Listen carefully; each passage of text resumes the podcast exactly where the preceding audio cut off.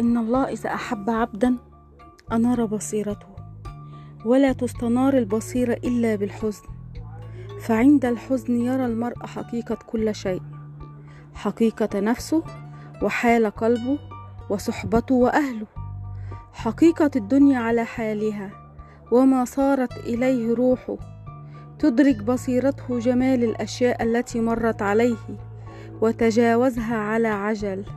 تتصل روحه بالسماء وتقترب من الله أكثر فيجعل الله من كل ذرة حزن في نفس عبده نورا يضيء به بصيرته حتى يدرك هوان الدنيا برغم جمالها وحقيقة الأشياء.